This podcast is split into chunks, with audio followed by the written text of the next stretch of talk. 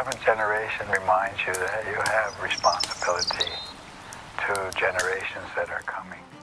Deze podcast maak ik samen met de Strategiefabriek. De plek om fysiek en hybride samen te werken met aandacht voor jou en de wereld.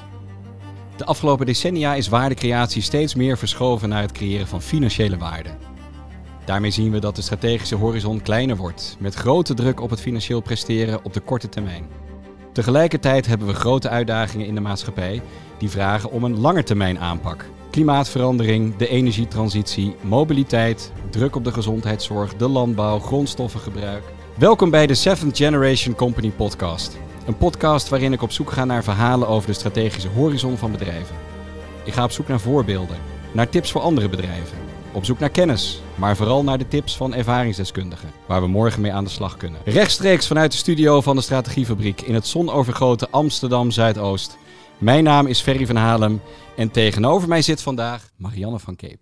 Goedemiddag. Goedemiddag. Het is me een grote eer dat jij hier bent. We hebben te maken met de duurzaamheidsmanager, MVO-manager van het jaar. Afgelopen jaar moet ik zeggen, Ja, vorig klopt. jaar. Ja, ja.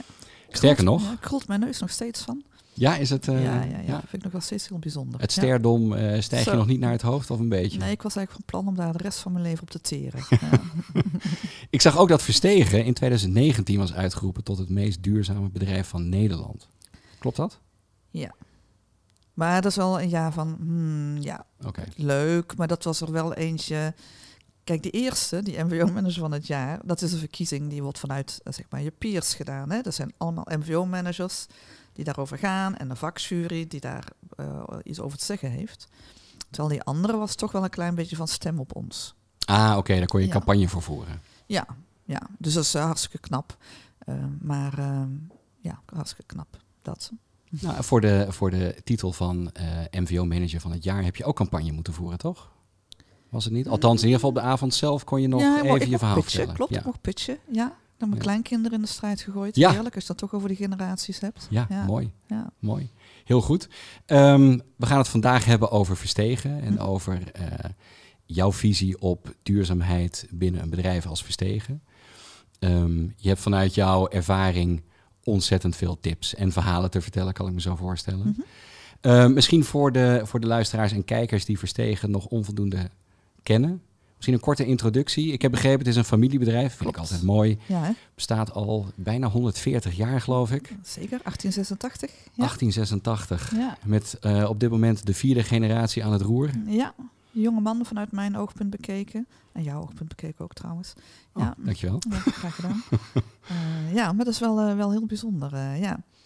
Ehm, familiebedrijf, Rotterdams familiebedrijf, dat is ook wel heel bijzonder. Hè? Dat is toch anders. eh. Maar je hoort, ik ben geen Rotterdamse. Hè? Wat, wat maakt een Rotterdamse bedrijf bijzonder? Ja, het is ook wel eh, een beetje van eh, niet lullen, maar poetsen. En eh, je handen uit de mouwen. En gewoon doen. Ja, Gewoon nu beginnen. Hoezo nadenken. Gewoon nu. geen woorden maar daden. Ja, dat. werk. Ja, ja, en we zijn er nog trots op ook. Ja, Ja, en gelukkig werken Brabanders en Rotterdammers heel goed samen. Dus Kijk eh, ja, belangrijk. kijk goed, familiebedrijven, steaks, spices en sauces. En ik zeg altijd van, kijk maar in je keukenkastje, want daar staan we. Mhm.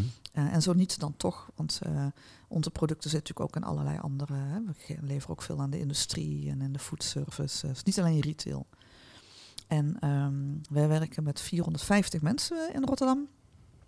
Maar één productielocatie aan de A20. Als je daar al eens in de file hebt gestaan, dan eh, heb je ons zowaar misschien wel geroken zelfs. Eh, en we hebben verkoopkantoren in België, Spanje, de UK en Ierland. ehm, maar we verkopen eigenlijk ons grootste gedeelte in Nederland en in België. Maar we kopen in over de hele wereld. En dat maakt eh een het ander wel uitdagend. Ja, en zeker ook in de context van jullie portfolio aan Precies, producten. En ja. Dat gaat natuurlijk heel erg breed eh, als je alleen al naar kruiden kijkt. Ja, Kan ik me voorstellen. Die Ja. groeien over de, nou niet over de hele wereld, maar wel verspreid ja, over de wereld. Ja. Ja. Hoe, hoe kun je daar een beeld van schetsen? Hoeveel, waar komen jullie producten vandaan of jullie grondstoffen? Nou, in, in hele grote lijnen kopen wij zo'n duizend verschillende grondstoffen in. En daar is een derde zijn daar kruiden en specerijen van. En dat varieert heel erg van eh, eh, Zuid-Amerika, Noord-Afrika, India, China, Turkije eh, en natuurlijk Indonesië. Mhm. En Indonesië is voor ons wel heel bijzonder. En dat heeft ook alles te maken met onze geschiedenis. Wij voelen daar ook een soort morele verantwoordelijkheid. Maar we zijn er ook vast van overtuigd dat de kwaliteit van Indonesische specerijen de aller, aller, allerbeste kwaliteit is. Eh, dus, eh, dat, Is ja. daar Verstegen ook uit ontstaan? Nee, vanuit nee, nee, die- we hebben niets met de VOC te maken. Helemaal niets. Oeh, nee, 1886. Dus eh, nee, dat is ruim na de VOC. Ja, zeker, maar vanuit de historie die Nederland heeft met, met Indonesië. Ja, wij, dat, dat, dat voelen wij wel zo. Hm. ja. Ja, toch ook wel een soort morele verplichting om, om, nou ja, om daar ook goed te doen. Hè? Ja, Van ja. doing no harm naar doing good. Ja. mooi, heel goed. Ehm, familiebedrijf, bijna 140 jaar. Ehm, mooie aanleiding om het te hebben over het kijken in termen van generaties. ja. Ehm, duurzaamheid is iets wat speelt voor de lange termijn ook. Hè? Dat is iets wat, Ja. wat, waar je vandaag in investeert en waar je misschien niet morgen al de vruchten van weet Ja. te plukken. Ehm, wat betekent duurzaamheid voor jou persoonlijk? Ah, voor mij persoonlijk, eh, ja, dan komen toch die kleinkinderen weer om de hoek kijken. Het heeft gewerkt vorige keer. het dus. heeft gewerkt, hè? Ja, kleinkinderen, heerlijk. eh, om meer dan één reden. Ik heb er zomaar eh MVO-manager van het jaar van worden. Nee, maar dat, dat is het wel, wel een beetje van. ehm, ehm, ik ben natuurlijk heel lang geleden gaan nadenken over mijn invloed, mijn impact. We, hebben, we gaan het hebben over de impact van Verstegen, maar Mhm. er is natuurlijk ook jouw en mijn impact. En ik zit natuurlijk in dezelfde bubbel als jij. Dus ik heb die zonnepanelen en ik rij elektrisch en ik eet minder vlees. Ik Kijk even naar eh, ehm, eh, dat soort dingen. Hè? Maar dat is vanzelfsprekend. Hè? Iedereen die dat nog niet doet, die leeft onder een steen. Maar een gegeven moment ook gaan nadenken van, maar waar, eh, maar waar zit mijn impact dan? Waar heb ik nou invloed op? En toen, ik ben een netwerker. Ik zit in waanzinnig veel netwerken. Ik vind netwerken leuk. Ik vind mensen leuk. Ik vind mensen verbinden leuk. Ik vind dat. En toen dacht ik van, nou weet je, er zijn onderwerpen waarbij we binnen Verstegen heel goed mee bezig zijn. Daar ga ik straks alles van vertellen. Maar er zijn ook onderwerpen die eigenlijk veel meer niet alleen van Verstegen een issue zijn, maar gewoon van ons allemaal. En hoe kan ik daar dan het verschil maken? En toen kwam ik uit op het, eh, op het begrip eh, eh, kinderarbeid. Het bestrijden van kinderarbeid vind ik iets wat je per definitie gewoon met z'n allen moet willen. Dus ik heb mezelf voorgenomen dat bij elke presentatie die ik geef, bij voorkeur in de eerste vijf minuten, ik iets zeg over het bestrijden van kinderarbeid. Mooi. Nou, bij deze dus, Ja. dames en heren, bestrijden van kinderarbeid.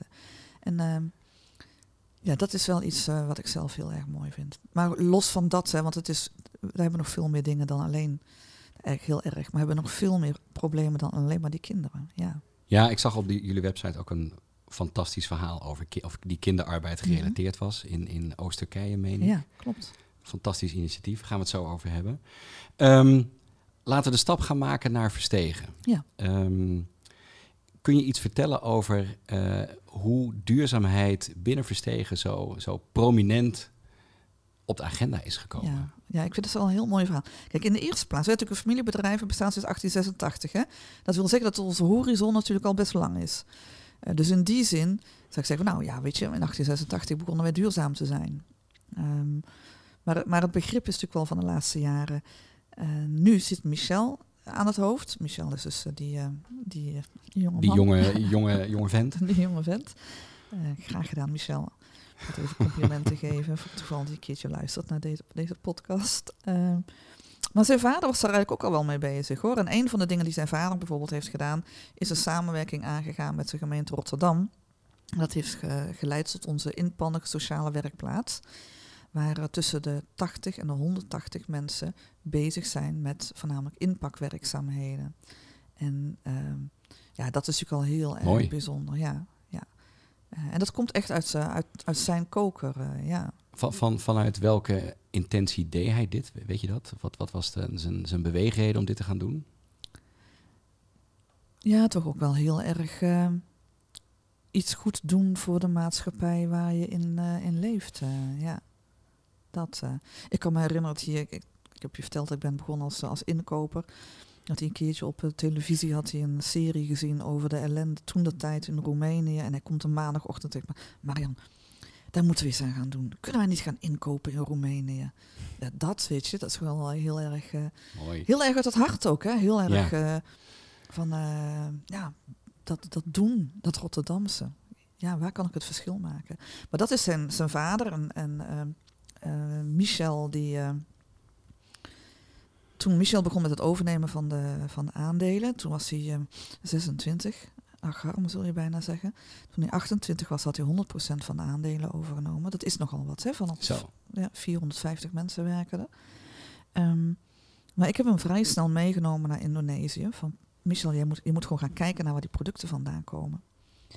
En eh, tot het moment dat ik daar kwam werken, gingen we eigenlijk nooit naar de landen van oorsprong. Terwijl je door daar te zijn, en tegenwoordig doe ik het niet meer, want ik vlieg niet meer. Dat, eh, weet je, vliegen. Vliegschaamte. Ja, dat ja, kan, eh, ja, heel erg. Maar weet je, door daar te zijn, eh, dat, dat geeft wel heel veel inzicht. En eh, hij, je, moet, je moet ook weten, hij is 2 meter drie, dus eh, een reis naar Indonesië is sowieso al een belevenis. Omdat iedereen dat zo fantastisch vindt als die reuzen binnenkomt stappen. Maar ehm, we zaten ergens in een dorpje op, op Ambon. Ehm, en alle kinderen waren inmiddels aan ons gewend. En dus die liepen een beetje, of die waren een beetje om ons heen aan spelen. En we hadden zo'n gesprek over, eh, van waar gaat het nou eigenlijk over in deze wereld? Waar, ga, ja, waar gaat het nou over?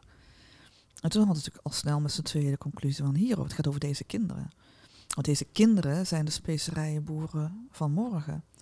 Ehm, en, eh, en dat is voor hem wel een eye-opener geweest. Nou, hij heeft natuurlijk zelf, hij heeft zelf drie dochters. Eh, en ehm, hij is heel erg aan het nadenken over wat het betekent om een familiebedrijf te hebben. En dat over heel veel jaren te gaan overdragen Ja. aan één of twee of drie van die dochters. En wat ga je dan overdragen? Ehm, Dus de en- continuïteit van, van Verstegen werd letterlijk zi- zichtbaar gemaakt Ja. in Indonesië. Met Ja. de kinderen die daar waren. Ja, dat ja. En eh, dan, dan praten we eigenlijk over eh, wanneer is dit geweest? Ehm 2010 of zo, misschien iets eerder, 2008, ik weet niet, lang geleden. Mhm. Maar sindsdien zijn we zo aan, over aan het nadenken van, en hoe dan? Maar dat, dat vinden we nog wel heel ingewikkeld, hoor. hoe dan? Want, want weet je, het, Ja, want dit, uiteindelijk- dit klinkt heel erg visie gedreven. Hè? Van, van dit is wat ik wil bereiken. Ja, Een soort van persoonlijke missie. een droom, van, ja. Een droom van, van Michel. Ja. Vervolgens moet je dat zien te vertalen naar de strategie van de onderneming. Of hoe gaan we dit dan, Ja. hoe, wat gaan we ermee doen? Ja, ja dat, dat is niet helemaal onze sterkste kant. Ehm, daar zijn we nu wel mee bezig, maar we hebben daar de eerste tien jaar wel heel erg mee geworsteld. Ehm, we doen waanzinnige dingen. Kijk maar op onze website. eh, echt eh, waanzinnige dingen. Nog lang niet genoeg. Altijd meteen bij zeggen, voorbehoud. Nog lang niet genoeg, maar wel veel. Ehm, maar toen kwam al heel snel de vraag, maar wat doen wij nou? En Kunnen we dat nou vertalen naar één woord? Nee, kunnen we het vertalen naar twee woorden? Nee, ook niet. Kunnen we het vertalen naar een zin? Nou, Ja. dat, weet je, dat is wel een worsteling. Ja. Want die issues waar je tegenaan loopt, weet je, ik zeg altijd van, weet je, het is gewoon het beklimmen van de Himalaya of van de Mount Everest. Ehm, en zoveel issues zijn het. En kun je ze allemaal tegelijk oppakken? Nee. Hmm. Maar wil je het wel? Ja, we willen wel. Hmm, wat dan? Ja, eerste stap zetten. Oké, eerste stap zetten. Dat zo'n beetje, hè? Ja. Dus dat is een beetje onze strategie. En we zetten heel veel eerste stappen. En soms weten we niet waar die stap naartoe gaan. En dan, dan doen we het toch. Ehm, maar nu, anno 2022, hebben we besloten om ons, eh, ons leven een beetje te verbeteren. En om dat gestructureerder te doen. Ja, proberen we. Want je hebt de indruk dat het, dat het sneller kan. Of dat het nog beter kan dan wat je nu al gewend bent om te doen. Ja, nou, wa- waar, eh, het is ook, eh, dat verduurzamen is heel lang geweest eh, een, een zaak van Marianne van Keep. Alles wat ging eh, over MVO of over milieu, klabang, dat kwam op mijn bordje terecht. Ja. Ehm, ik ben dan ook al vrij snel directeur duurzaamheid geworden. En gelukkig sinds een paar jaar ben ik ook Chief Sustainability Officer. Dus in die zin zit ik ook echt Ja. nou ja, op, op Ja. executive niveau. En dat is, ook, zegt ook wel iets.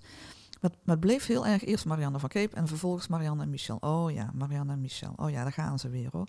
Zijn ze weer bezig met blockchain en leefbaar loon. En oké, kom, we gaan ons ding weer doen. En nu, sinds een jaar of eh, twee, zijn we dat anders gaan invullen. En is het echt het streven, dat is echt een gigantische transitie. Eh, het wordt niet meer Marianne en Michel. Eh, het wordt van ons allemaal. Dus is duurzaamheidsstrategie? Nee. Het, gaat een, het is een ondernemingsstrategie en die is uiteraard duurzaam. Wauw, dit, dit, is, dit is echt fantastisch Ja. hoor. Want dit, dit, hier worstelen heel veel bedrijven mee. Hè? Die. Je ziet natuurlijk zoveel mensen die de functie krijgen van MVO-manager. Ja. Of we hebben een afdeling CSR. Ja. Of we moeten een, Ja. nog erger, een paragraaf schrijven voor het jaarverslag. Het code of conduct. Wie gaat Ja. dat doen? Exact. Ja. En dan nemen ze een leuke stagiair aan. Ja, En die maakt dan een mooi plan. En dan met een beetje geluk nemen ze die persoon aan. en om het echt in de, in de core van de business te krijgen. Dat is wat jullie dus nu aan het doen zijn. Ja, dat zijn we nu aan het doen. Ja. Overigens vind ik wel, en dat vind ik zelf wel ehm, een mooie toevoeging. Ik vind wel dat ik mezelf uiteindelijk overbodig moet maken. Mhm. Ik zit dus nu eh, op dit niveau. Ja. Eh, en ik mag nog best wel een aantal jaartjes.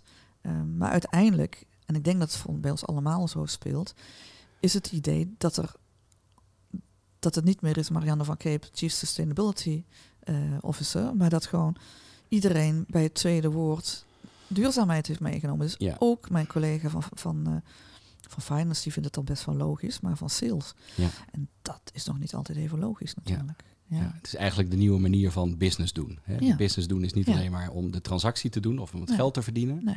maar ook om het goede te doen. Ja, weet je, wij zijn er ook van overtuigd. Uiteindelijk is het ons onze lic- license to operate. Hè. Als je het niet doet, doet, dan ben je gewoon over vijf jaar ben je, ben je, ben je Ja. oud. Daar zijn we echt van overtuigd. Niet alleen dat. Merk En- je daar al iets van? Want eh, dat klinkt heel erg als een intrinsieke eh, motivatie om het zo te doen. Mhm. Merk je de druk van buiten al eh, dat dit echt nodig is voor Verstegen?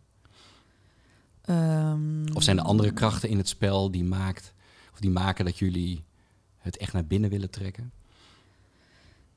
Nee, nee. En dat vind ik ook wel het mooie. We- doen het, we doen het echt omdat we erin geloven. Mhm. Dat. Ehm, maar die wetgeving die komt er natuurlijk aan. En wij als familiebedrijf, wij zeggen dan van ja, weet je, wetgeving, we hebben het helemaal niet nodig. Eh, wetgever, we kunnen wel zonder jou. Ja. Maar we realiseren ons natuurlijk ook wel zo dat als je, als je het over je level playing field gaat hebben, en dat wil je uiteindelijk, hè, over je concurrentiekracht, zou het natuurlijk wel fijn zijn als al die concurrenten eh, ook aan de slag moeten met al die 17 SDG's, hè, om die nog maar even in de strijd te gooien. Mhm. Dus, eh, dus in die zin zien we daar wel iets aankomen, maar nog niemand weet precies hoe. En betrek je hen al in dit soort vraagstukken? In de, hè, je- zoals je mooi schetst, hè, jullie lopen de, de Himalaya op of de Mount Everest. De vlag van sustainable business of de nieuwe manier van business doen, die is misschien al zichtbaar. Ehm, maar hoe daar verder in te komen, ja, daar, dat kan je zelf uit, uit dokteren, uitvogelen. Maar dat kan je ook samen met je met, met, met stakeholders doen, hè, partijen in je eigen keten. Maar wellicht ook met concurrenten. Ja. Ja, nou, kijk, die, die, die strategie en die visie, laat die maar lekker aan ons over. Hè? Mhm, Kom op, zeker. eh, we vinden ze wel aardig, die, eh, die concurrenten, maar zo aardig vinden we ze nou ook weer niet. Ja. Dus, eh, maar ehm, ik ben zelf wel een aantal jaren geleden, ik denk elf jaar geleden, ehm, eigenlijk een beetje. Dat was eigenlijk een vraag die vanuit een activistische NGO kwam. Ehm, en dat is voor mij wel aanleiding geweest om te zeggen tegen een concurrent van weet je, wij moeten hier als branche moeten wij hier iets mee. Want als wij als branche eh, worden aangesproken op eh, issues die in onze supply chain zitten, dan moeten we daar als branche ook op gaan reageren. Want anders ben je gewoon niet geloofwaardig. En toen, eh, ik, ik was toen voorzitter van de, eh, wat nu de Koninklijke Nederlandse Specerijvereniging eh, heet. En ehm, ben toen naar eh, IDH gegaan, dat zegt je waarschijnlijk Mhm. iets, hè? Initiatief Duurzame Handel. Omdat je als je op brancheniveau aan de werk aan de slag gaat, moet je natuurlijk wel een onafhankelijke partij hebben. Want, nou ja, anders... Vertroebelt het de hele Ja, discussie. het- en, precies. Ja, allerlei redenen waarom je dat wil. En IDH is een supermooie partij trouwens. En eh, daar is de Sustainable Spice Initiative uit eh, eh, gerold. Nou, eh, ik heb toen de tijd eh, eh, vijf eh, eh, vrijwilligende bedrijven aangewezen. En eh, die zijn er nog steeds lid van. Ehm, maar we hebben inmiddels geloof ik 50 leden, waarvan het gros niet meer in Nederland zit. Eh, dus eh, noem ze maar op. overal in de keten, Amerika, Duitsland, eh, bedrijven zoals wij, maar ook echt Ja. processors in de keten. Ja, mooi. En wij zijn daarin zijn we echt aan het kijken van een, hoe kunnen we nou het verschil maken. Daar waar dat niet op je eigen, waar daar het niet een stukje strategie is. En bijvoorbeeld, eh, ik ben er zelf alweer voorzitter, ik weet ook niet helemaal waarom ze mij gevraagd hebben. Maar ik ben voorzitter van de Impact Committee. En daar hebben we drie thema's benoemd. Eén is bijvoorbeeld eh, due diligence. Nou, dat, dat wordt dan toevallig, of niet helemaal toevallig, natuurlijk ook wetgeving. Mhm. Ehm, dat is in feite het aanreiken van tools naar organisaties om te gaan verduurzamen. Dan hoef je niet in te vullen, maar dan... Hè, dan Word je geholpen precies. stappen te zetten? Ja. En de tweede is, tada, komt die bestrijden van kinderarbeid. Niet helemaal, ik denk dat ik daar wel iets mee te maken heb gehad. Juist omdat ik vind dat je, dat je kinderarbeid moet je veel breder zien dan in je eigen supply chain. Weet je, dat, dat is veel complexer. Dat, daar zitten allemaal krachten achter die je nooit alleen uh, uh, kunt aanpakken. Um, de derde is uh, living wage, living income. wat overigens heel nauw weer samenhangt met dat kinderarbeidverhaal. Daar zijn we aan het kijken naar tools. Hoe meet je nou de gap tussen daadwerkelijke inkomen en een leefbaar inkomen? Uh, dat is nogal een uitdaging. Uh, en de vierde, ik zei drie, maar het zijn er vier. En de vierde is uh, climate resilience. En dan kom je op vraagstukken aan van, kijk, je kunt een, en we hadden het al eventjes over de scope 1, scope 2, scope 3 uitstoot. CO2-uitstoot voor degenen die het allemaal nog niet weten, zoek het op. Parijsakkoord, um, nee, de Science-Based Target Initiative. Ja. Poeh, komt echt iets op ons af daar. Ik weet zeker dat ook... Hebben jullie daaraan gecommitteerd trouwens? Ja, ja, ja. wij houden wel van commitments. Eerst commitment maken, dan kijken hoe je er komt. En dan uh, kan wel een goede drijfveer zijn. Uh, ja. Maar goed, binnen die, die, Ja. dat klimaatvraagstuk... Um, die scope 1, scope 2, dus tussen je eigen muren. Nou, dat is niet zo heel moeilijk. Daar kun je ook een discussie over hebben. Maar die scope 3, dat is dus de uitstoot die plaatsvindt upstream en downstream. Die is natuurlijk vele malen ingewikkelder. En daar is het eigenlijk een beetje onzin om zelf aan de slag te gaan. Ja, want iedereen heeft, zit in die, zeker in die upstream kant. eh, Ja, Ja. dus hè, laten we dan met, met z'n allen daar eh, tools van maken en een database van gaan oprichten. En, eh, dus daar zijn we mee bezig. Ja. Valt niet altijd mee hoor. Er zit ook wel een flink stuk politiek en diplomatie en ja, dat. Ja. Maar ach, we komen er wel. mooi. Heel veel activiteiten buiten Verstegen om, zou je ook kunnen Ja. zeggen. Hè? Om, het, om het, het Ja. hele krachtenveld te mobiliseren. Als je dan kijkt meer binnenin Verstegen. Mhm. ehm, en alle projecten of investeringen die Verstegen gaat doen. In hoeverre speelt, ja, duurzaamheid speelt een rol, maar hoe maken jullie dat soort keuzes? Met wat, wat ja, met een bepaald project gaan we misschien meer geld verdienen en de ander misschien wat minder, maar de impact aan de sustain- sustainability kant is daar weer hoger. Hoe, hoe Ja. werkt dat bij jullie? Nou ja, weet je, van oudsher eh, is het heel erg van, eh, van voelt het goed? Eh, en als het dan goed voelt, oké, dan doen we dat. Zo, en dat, dat, dat is natuurlijk ook makkelijker. We zijn een familiebedrijf, dus wij hoeven geen verantwoording af te leggen aan, eh, ja, aan aandeelhouders. Dus ehm, dat. ehm. we zijn in het verleden ook, laat ik heel eerlijk zijn, begonnen met dingen waarvan we nog niet helemaal zeker wisten waar het toe zou leiden. Maar als zoiets van, nou ja, weet je, we- het komt vast ergens van pas. Of dus, Ja, noem eens een voorbeeld. Wat, wat is een eh, typisch zo'n eerste project op dit vlak wat jullie gestart zijn zonder misschien te weten wat het ging brengen?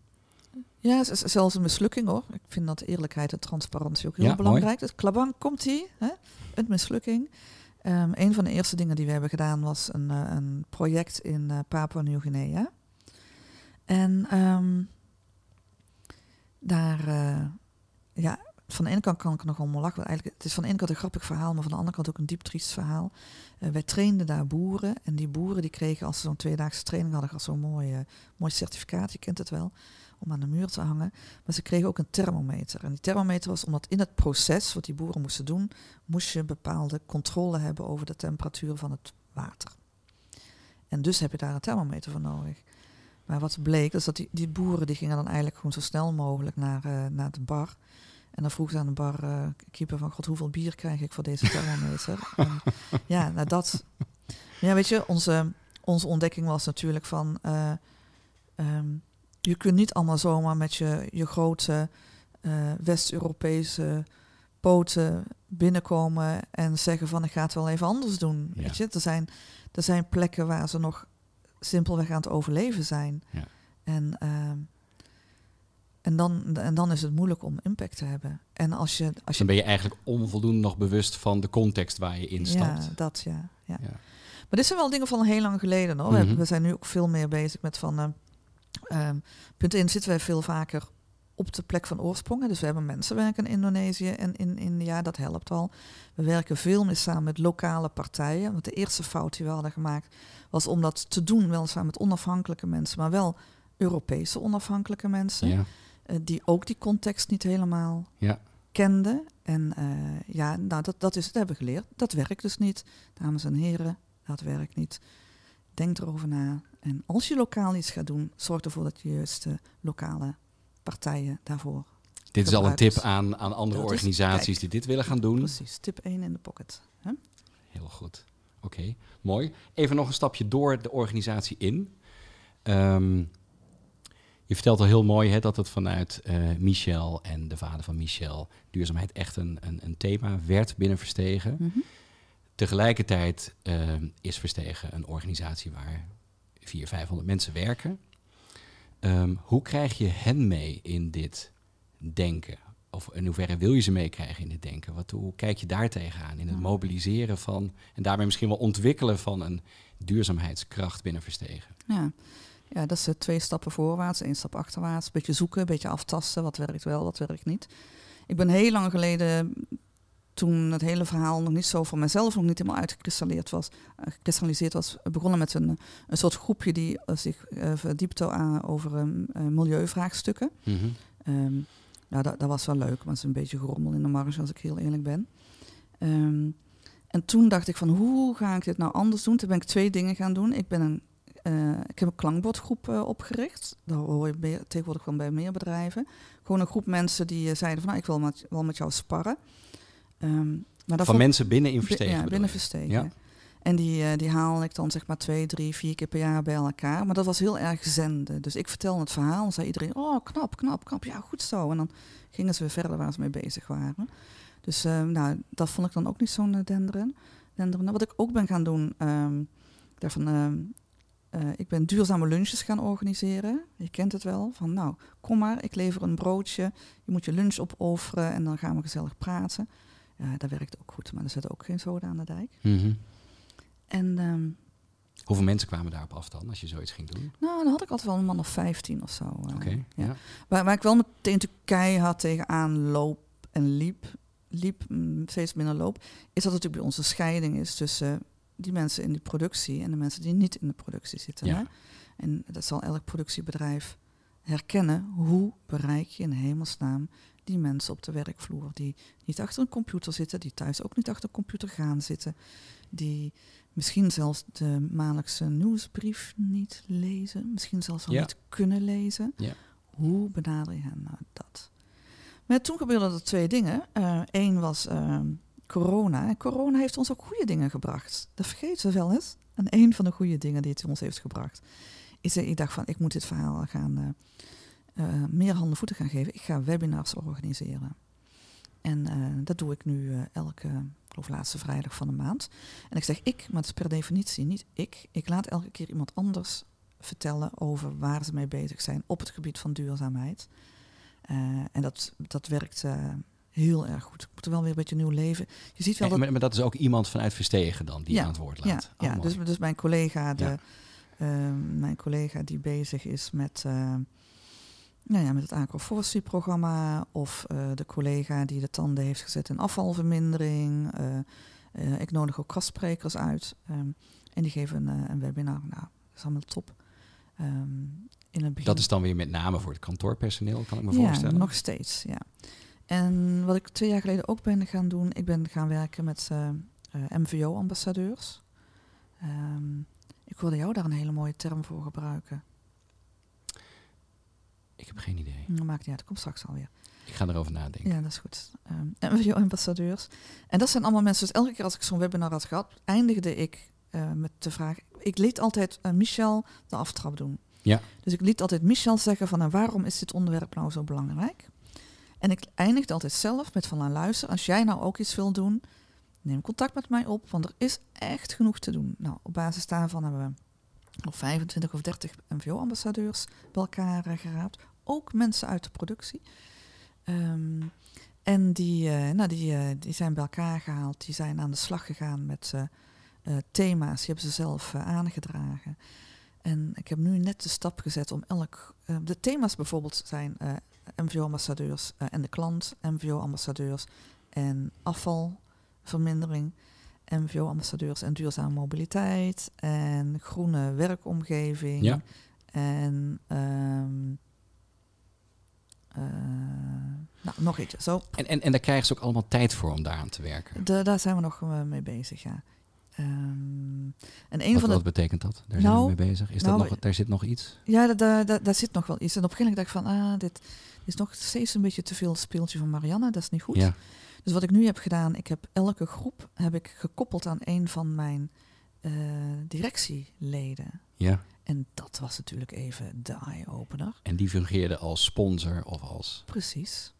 En bij de ene pakt het wat makkelijker op dan de ander. Maar ik heb toevallig vanochtend eh, overleg gehad met, eh, met mijn MVO-ambassadeurs. Althans met diegene die een beetje de kart trekken. Allemaal superleuke jonge vrouwen. De wereld die gaat ten onder aan, ik weet niet waaraan, maar we gaan het redden door middel van leuke jonge vrouwen. En dat zal jou wel weer aanspreken trouwens. Ehm, maar die, ehm, ja, weet je, die, die, die zijn daar zo waanzinnig trots op. We zijn nu nu bezig met van hoe gaan we ze zichtbaarder maken. Eh, het plan is om met een soort marktkraampjes te gaan werken. Om ehm, in de kantines regelmatig gewoon zichtbaar te zijn. Dus dat als eh, eh, al die mensen van de productie naar eh, een boterhammetje komen eten, dat daar één of twee of drie of vier ambassadeurs staan en zeggen: hey, Zichtbaar en aanspreekbaar. ja, precies. Ja, van waarom kom je eigenlijk nog steeds met de auto? Zullen we eens gaan kijken? Nou, dat is een beetje Oh, ja. belerend, dat, maar, Ja. maar, maar, maar zo. Ja. Ehm, en wat ik ook wel heb ontdekt, is dat ze ehm, het herhalen, herhalen, herhalen. Nooit denken dat je er bent, want dan ben je niet. Dus eh, wat ik zei van mezelf overbodig maken, dat wordt nog eh, misschien wel mijn grootste En, en met, uitdaging. met, met, ja. met- ja, precies, want daar had ik een vraag over. Mhm. Ehm, het kan natuurlijk heel erg. eh, dit zijn goede initiatieven hè, om het bespreekbaar te maken en gedrag van mensen te beïnvloeden.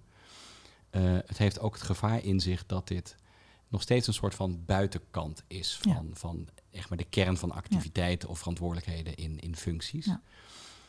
Wat zijn jouw ervaringen op dat vlak? Hoe krijg je het echt in de echt in, de, in, in het DNA van de mensen, in, de, in het DNA van de organisatie, Ja. in, de, in de manier waarop mensen beslissingen nemen elke dag.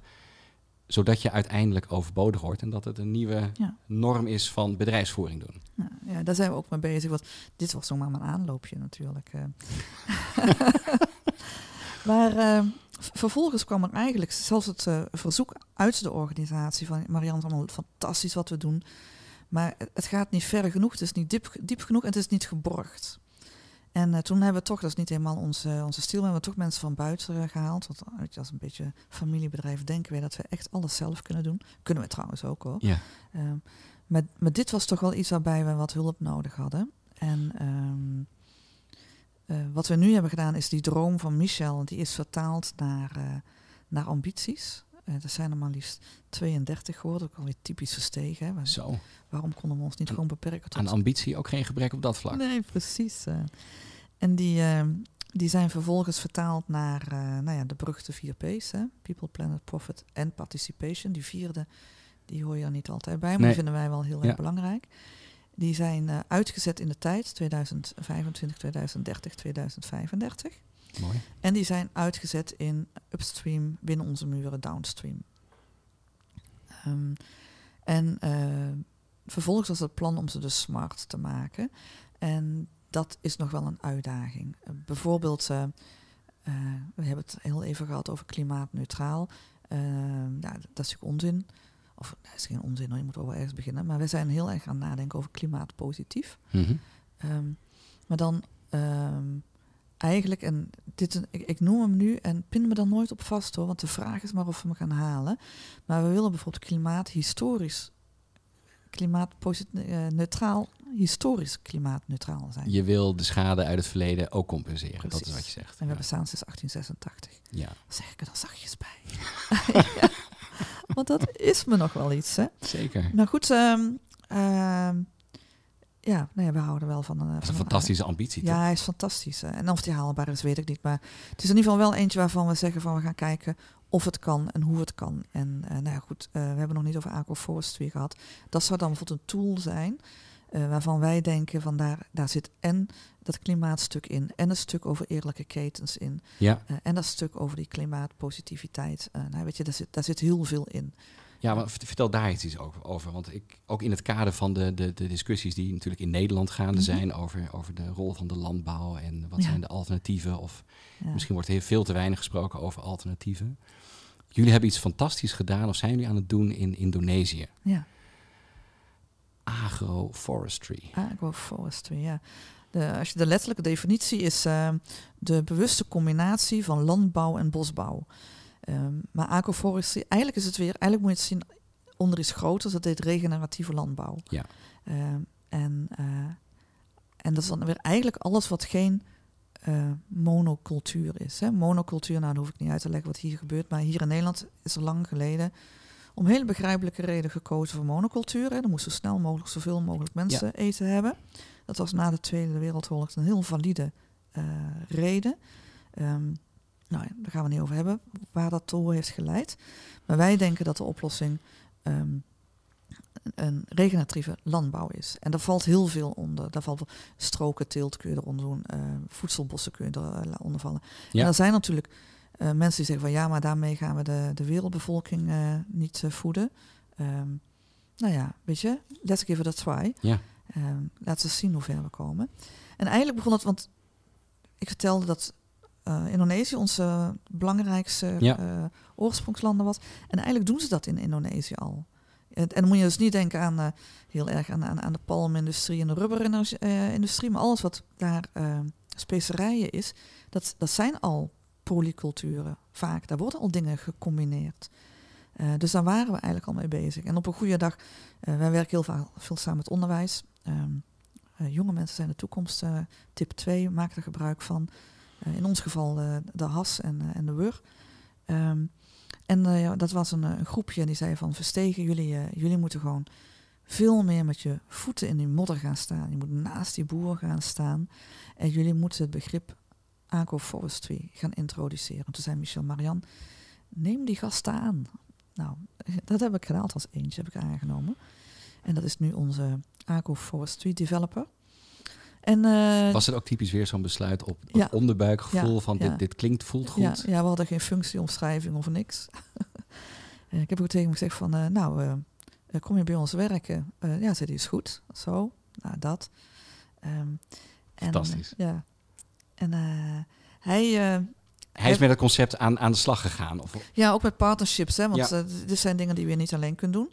We doen er nu uh, heel veel verschillende vormen. We doen in, uh, in Indonesië hebben we uh, samen met een partner hebben we daar uh, demonstratieplots uh, ingericht. En um, daar, zeg maar, wonen op dat eiland, ik weet niet, 6000 of 8000 specerijboeren, peperboeren. En we schatten in dat we daar de helft inmiddels van hebben bereikt door middel van van, van trainingen. Maar dat is wel herhalen, herhalen. Dus daar zijn we mee bezig. Um, we gaan ook, moeten ook nog wel gaan kijken hoe we het dan meetbaar gaan maken. Mm. Vinden wij het minst leuk, het hele verhaal meetbaar maken. Maar goed, dat zijn. Uh, maar we zijn ook iets aan het doen op Sumatra. Dat doen we samen met een partner. Um, die combineert uh, kaneelbomen met, met koffie. Um, we zijn bezig met een programma in India. Daar zijn we aan het kijken hoe je stroken teelt kunt gaan introduceren bij fossielieboeren. We hebben ook een collega in, in India. Um, we zijn in Midden-Amerika aan het kijken hoe we daar een bepaalde specerij, um, een, een jonge, jonge dame, kijk, is er weer de jonge dame. Uh, ja, mijn dochters uh, zijn op het goede moment geboren, dat geloof ik ook. Ja, zeker. Het is een, een, jonge dame die, uh, die deed op PhD aan de Universiteit van Leuven. En die kwam een keertje naar mij toe van... God, Marian, mag ik eens een keer... Mag ik met u? Belgische ja, ja, jonge dames, die, hoe variëren je dan? Mag ik eens een keertje met u komen praten over... Nou ja, of het in dit geval is het vernieuwen. En ja, dat is alweer drie jaar geleden. En inmiddels is ze getrouwd met een leuke, leuke man daar, met José. Kijk. En, uh, en wij gaan uh, hen financieren om daar handen voet aan te geven. En het, het mooie daar is dat. dus enerzijds is dat, zijn dat bestaande structuren die we dus borgen. En, maar in, in Zuid-Amerika, Midden-Amerika heb je heel veel ingenious people. We hadden het eigenlijk even in, in het voorgesprek ja. al even over. Hè? Bevolkingsgroepen die anders in de wereld staan dan ja. wij. Um, en die worden daar ook bij betrokken. En dat is ook wel heel erg mooi. En wat we meteen doen, is gaan kijken van nou, we zijn heel, heel, de hele wereld eet één soort, nou in dit geval vanille. Ja. Maar er zijn veel meer verschillende soorten vanilles. En zijn die andere dan misschien niet toevallig lekkerder, beter houdbaar? Uh, uh, nou ja, dat, weet je. Uh, en dit gaat ons nog een paar jaar kosten, want voordat je een, een vanilleplant, dat je die kunt oogsten, ben je zomaar vijf jaar verder. En nou, Ook weer een voor, voor, voorbeeld van wat langere termijn denken. Ja, precies. eh, Mooi. ja. Maar dit soort initiatieven, dit zijn natuurlijk fantastische verkenningen op nieuwe technologieën in, Ja. in, in andere contexten. Ja. Ehm, dit doe je niet alleen voor verstegen. Ja, uiteindelijk misschien wel of misschien juist niet. Want die boeren zijn niet alleen maar boer voor verstegen. Die leveren ook aan concurrenten van jullie. Ja, ja. Ja, weet je, er, er komt natuurlijk altijd ergens een stukje ehm, ehm, toch ondernemerschap in voor. Kijk, wij zijn geen, geen altruïstische organisatie. Hè? Mhm. Ehm, dus nee, inderdaad, het is niet zo dat wij dat zomaar eh, eh, vrijgeven. Maken er wel goede afspraken over. Dus eh, deze mensen, wat ik dus nu vertelde over die leuke jonge dame, die, eh, daarvan heb ik gezegd, nee, je mag de hele wereld gaan beleveren. Maar zullen we afspreken dat als je in Europa gaat beleveren, dat het dan via Ja, ons gaat. Ja. Weet je, dat zijn toch gewoon hele goede afspraken die Ja. je kunt maken. Ja. En eh, misschien even tot slot, eh, laatste onderdeel. Jammer. Ehm, ja, we kunnen nog wel even doorpraten. Ja, dat, gevoel heb ik ook. Ehm, als we naar de toekomst gaan kijken. Ja. Ehm, jullie bestaan bijna 140 jaar. Jullie willen 140 jaar blijven bestaan. Ehm, wat of hoe past duurzaamheid in de ambities die jullie hebben als bedrijf? In de zin, waar, waar, gaan, waar gaan jullie naartoe? Wat is het volgende doel? Even los van de verduurzaming van de business, maar zitten daar ook groeidoelstellingen aan? Of misschien wat meer traditionelere doelstellingen die op een andere manier toch bekeken gaan Ah, je worden? het toch weer over geld hebben. Nou, ik Oh, ben, ben benieuwd hoe, hoe, hoe, hoe werkt dat? Hè? Ja, ja. Nee, ehm, kijk, al- als familiebedrijf is winstmaximalisatie is, al, is nooit als uitgangspunt geweest. Nee. Ik denk dat bij, bij de eer- eerste generatie dat al niet het uitgangspunt was. Ik kan het niet meer navragen, maar dat, dat schat ik wel zo'n beetje in. Ehm, maar omzetmaximalisatie, ja, dat zit natuurlijk wel een klein beetje in ons DNA. Hè? En, Ja. en dat is nog wel een beetje zoekende. eh, van oh, maar hoe geef je dat dan vorm? Dus we zijn wel aan het nadenken.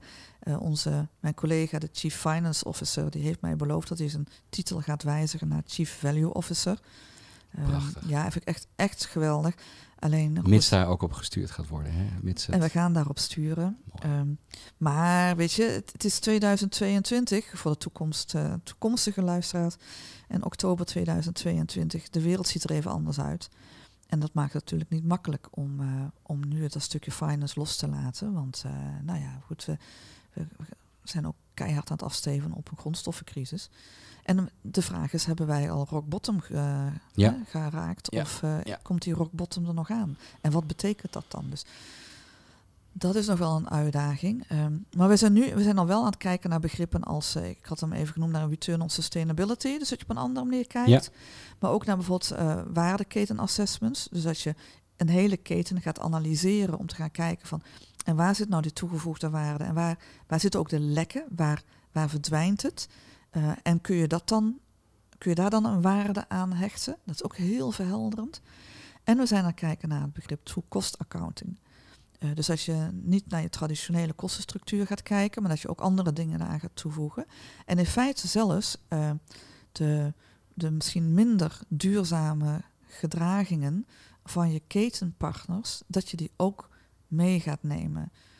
En dat, dat, zijn, eh, ja, dat zijn hele boeiende trajecten waar, die heel leerzaam zijn. En als je nu aan mij gaat vragen, en wat levert het dan op? Dat weet ik nog niet. Maar er komt een dag dan, eh, dan dat, dat verhaal dan van die toekost accounting. Hè, Ja. Dat vind ik nog wel. Maar dat verhaal van de return on sustainability, dat is klip en klaar. Dat is ons dat echt op hele korte termijn al gaat opleveren. Dus die P van profit, Ja. die, eh, die is wel degelijk, degelijk krijgt hij een hele mooie plaats in het, eh, in het geheel. Ja. Ja, en niet, niet als dominante drijver, maar als een van de pijlers Ja. waarop het bedrijf rust. Ja, precies. Want die, want die profit die gaat ook. Kijk, als je het over resources hebt, gaat het ook over de inzet van je personeel. Het gaat over verspilling. eh, Het is Mhm. niet alleen geld wat daaronder valt. Weet Nee. je, het is gewoon veel malen breder Ja. dan dat. eh, ja. Mooi, mooi. Ja, hè? Wat, En, ehm, en we zijn nog lang niet klaar. Er is nog zoveel te doen. En iedereen die denkt van, wauw, die verstegen, die zijn knap. Nee, joh, we zijn nog maar net begonnen. Echt. is, is, er een, is er een bedrijf waarvan je zegt van ja, dat vind ik nou echt een prachtig voorbeeld. In alle jaren dat ik bezig ben met duurzaamheid. Dat is een bedrijf dat heeft me zo geïnspireerd. Of inspireert me nog. Misschien is dat wel de richting die we met Verstegen hierna moeten gaan zetten. Oh, die vind ik ook wel heel moeilijk. eh. Ja. Nou ja, weet je, iedereen kent het verhaal van Interface. Ja, En, eh, en dat vind ik wel een heel mooi verhaal. Maar die hebben en die doen fantastische dingen. En die hebben echt stappen gezet. Die zijn ook veel eerder begonnen natuurlijk met, eh, ja. met deze reis. Ja. Ehm, ja, maar ik denk dat ze ook nog wel iets te doen hebben. Hoor. En ik ben natuurlijk af en toe wel eens jaloers op, op die bedrijven die, die vanuit de, de duurzame gedachten zijn gestart. Hè? De Tony Chocolonely's van deze wereld. Eh, maar ik zie ook waar zij tegen worstelen. Ehm, of waar mee worstelen, moet ik zeggen. Maar Ja. eh, eh, nee, ik, ik zie wel, ik zie wel, ja, ik zie ook wel hele fantastische mensen. Ik word heel erg blij van al die jonge en vrouwen. ik kan me voorstellen, al die jonge vrouwen en Ja, jonge precies, mensen die, die Ja, laat ik het zo zeggen, de, het beeld dat Verstegen heeft opgebouwd door de jaren heen op dit onderwerp, trekt ook talent aan. Hè? En Ja. je bent hiermee ook in staat om talent aan te trekken. Ja. Ehm, die Verstegen ook weer verder brengen op dit punt. Ja, dus als je naar dat verhaal van die eh, return on sustainability kijkt, dan is, is eh, recruitment als drijfveer is gewoon een hele belangrijke op dit moment. Ja. Ehm, en je kunt zo becijferen eh, wat het kost als al die jonge vrouwen weggaan. Die jonge vrouwen die moet je houden. Dat, weet je. En, eh, en, en die, moet je, die moet je podium geven en die moet je ruimte geven. En trouwens, jonge mannen ook hoor. Ik zit wel heel erg te hameren op de jonge vrouwen. Maar die, die, die- weet je, de jongere generaties, die, daar, daar, daar, daar gebeurt, die zijn zo overtuigd. Die hebben Ja. zoveel. Ja, daar word ik zo blij Het is van. bijna vanzelfsprekend. Hè? Hier moet je mee bezig zijn, anders kom je niet eens voor je werken. Dat, ja. Prachtig. Ja. Prachtig. Tot slot, allerlaatste vraag. Als we even kijken naar onze luisteraars, hè, Mhm. die willen misschien ook hiermee aan de slag. Of zijn er al mee begonnen en lopen tegen dingen aan. Ja. Heb je een, ehm, een soort van tip waar te beginnen? Of wat, is, wat zou het belangrijkste zijn in jouw ogen als je je organisatie wil verduurzamen? Ja. Wat is dan het belangrijkste? Ja, die, die vraag krijg ik wel vaker. En eh, dan denk ik van, jee, één? Eén? Nee, ik, ik zou zeggen, weet je, punt één. eh, het is een berg die je te beklimmen hebt. En Ja. dan moet je toch de eerste stap zetten. Dat. Eh, dus begin gewoon. Aarzel niet. Ga niet te veel nadenken. Doen. Volg je hart. Want uiteindelijk intrinsieke motivatie brengt je het verst. En van de andere kant, het is en top-down en bottom-up. Dus, dus ga praten, bottom-down. Wat speelt er? Bevraag. eh, zowel intern als in die supply chain. Ehm, bevraag. Ehm, maar zorg er wel voor dat het top-down gedragen wordt. Dus bevraag ook top. Ja. Eh, pff, haal ze op de hei. Klap ze met hun hoofden tegen elkaar. En zeg Spreek ze jongens, aan. spreek ze aan. Waar staan jullie nou voor? Ja, En niet verschuilen achter, ja, maar ik moet toch verkopen. Nee, niks mee te maken. Hoe gaan we dit duurzaam maken? heel mooi. Heel Ja. mooi. Dus ik hoor een hele duidelijke tip. Verbeter de wereld, begin. Eh, zeker. Tijd voor actie. Geen woorden, maar daden. Hè? Laten we afsluiten met een rond Rotterdamse one-liner. ja, Marianne, hartelijk dank. graag gedaan. Ik vond het heel leuk om je hier te hebben. En om het verhaal van Verstegen eh, wat meer van dichtbij te horen. Ja. En eh, wellicht tot ziens. Ja, wie weet. Dankjewel. Oké, tot ziens. Tot horens. Tot horens.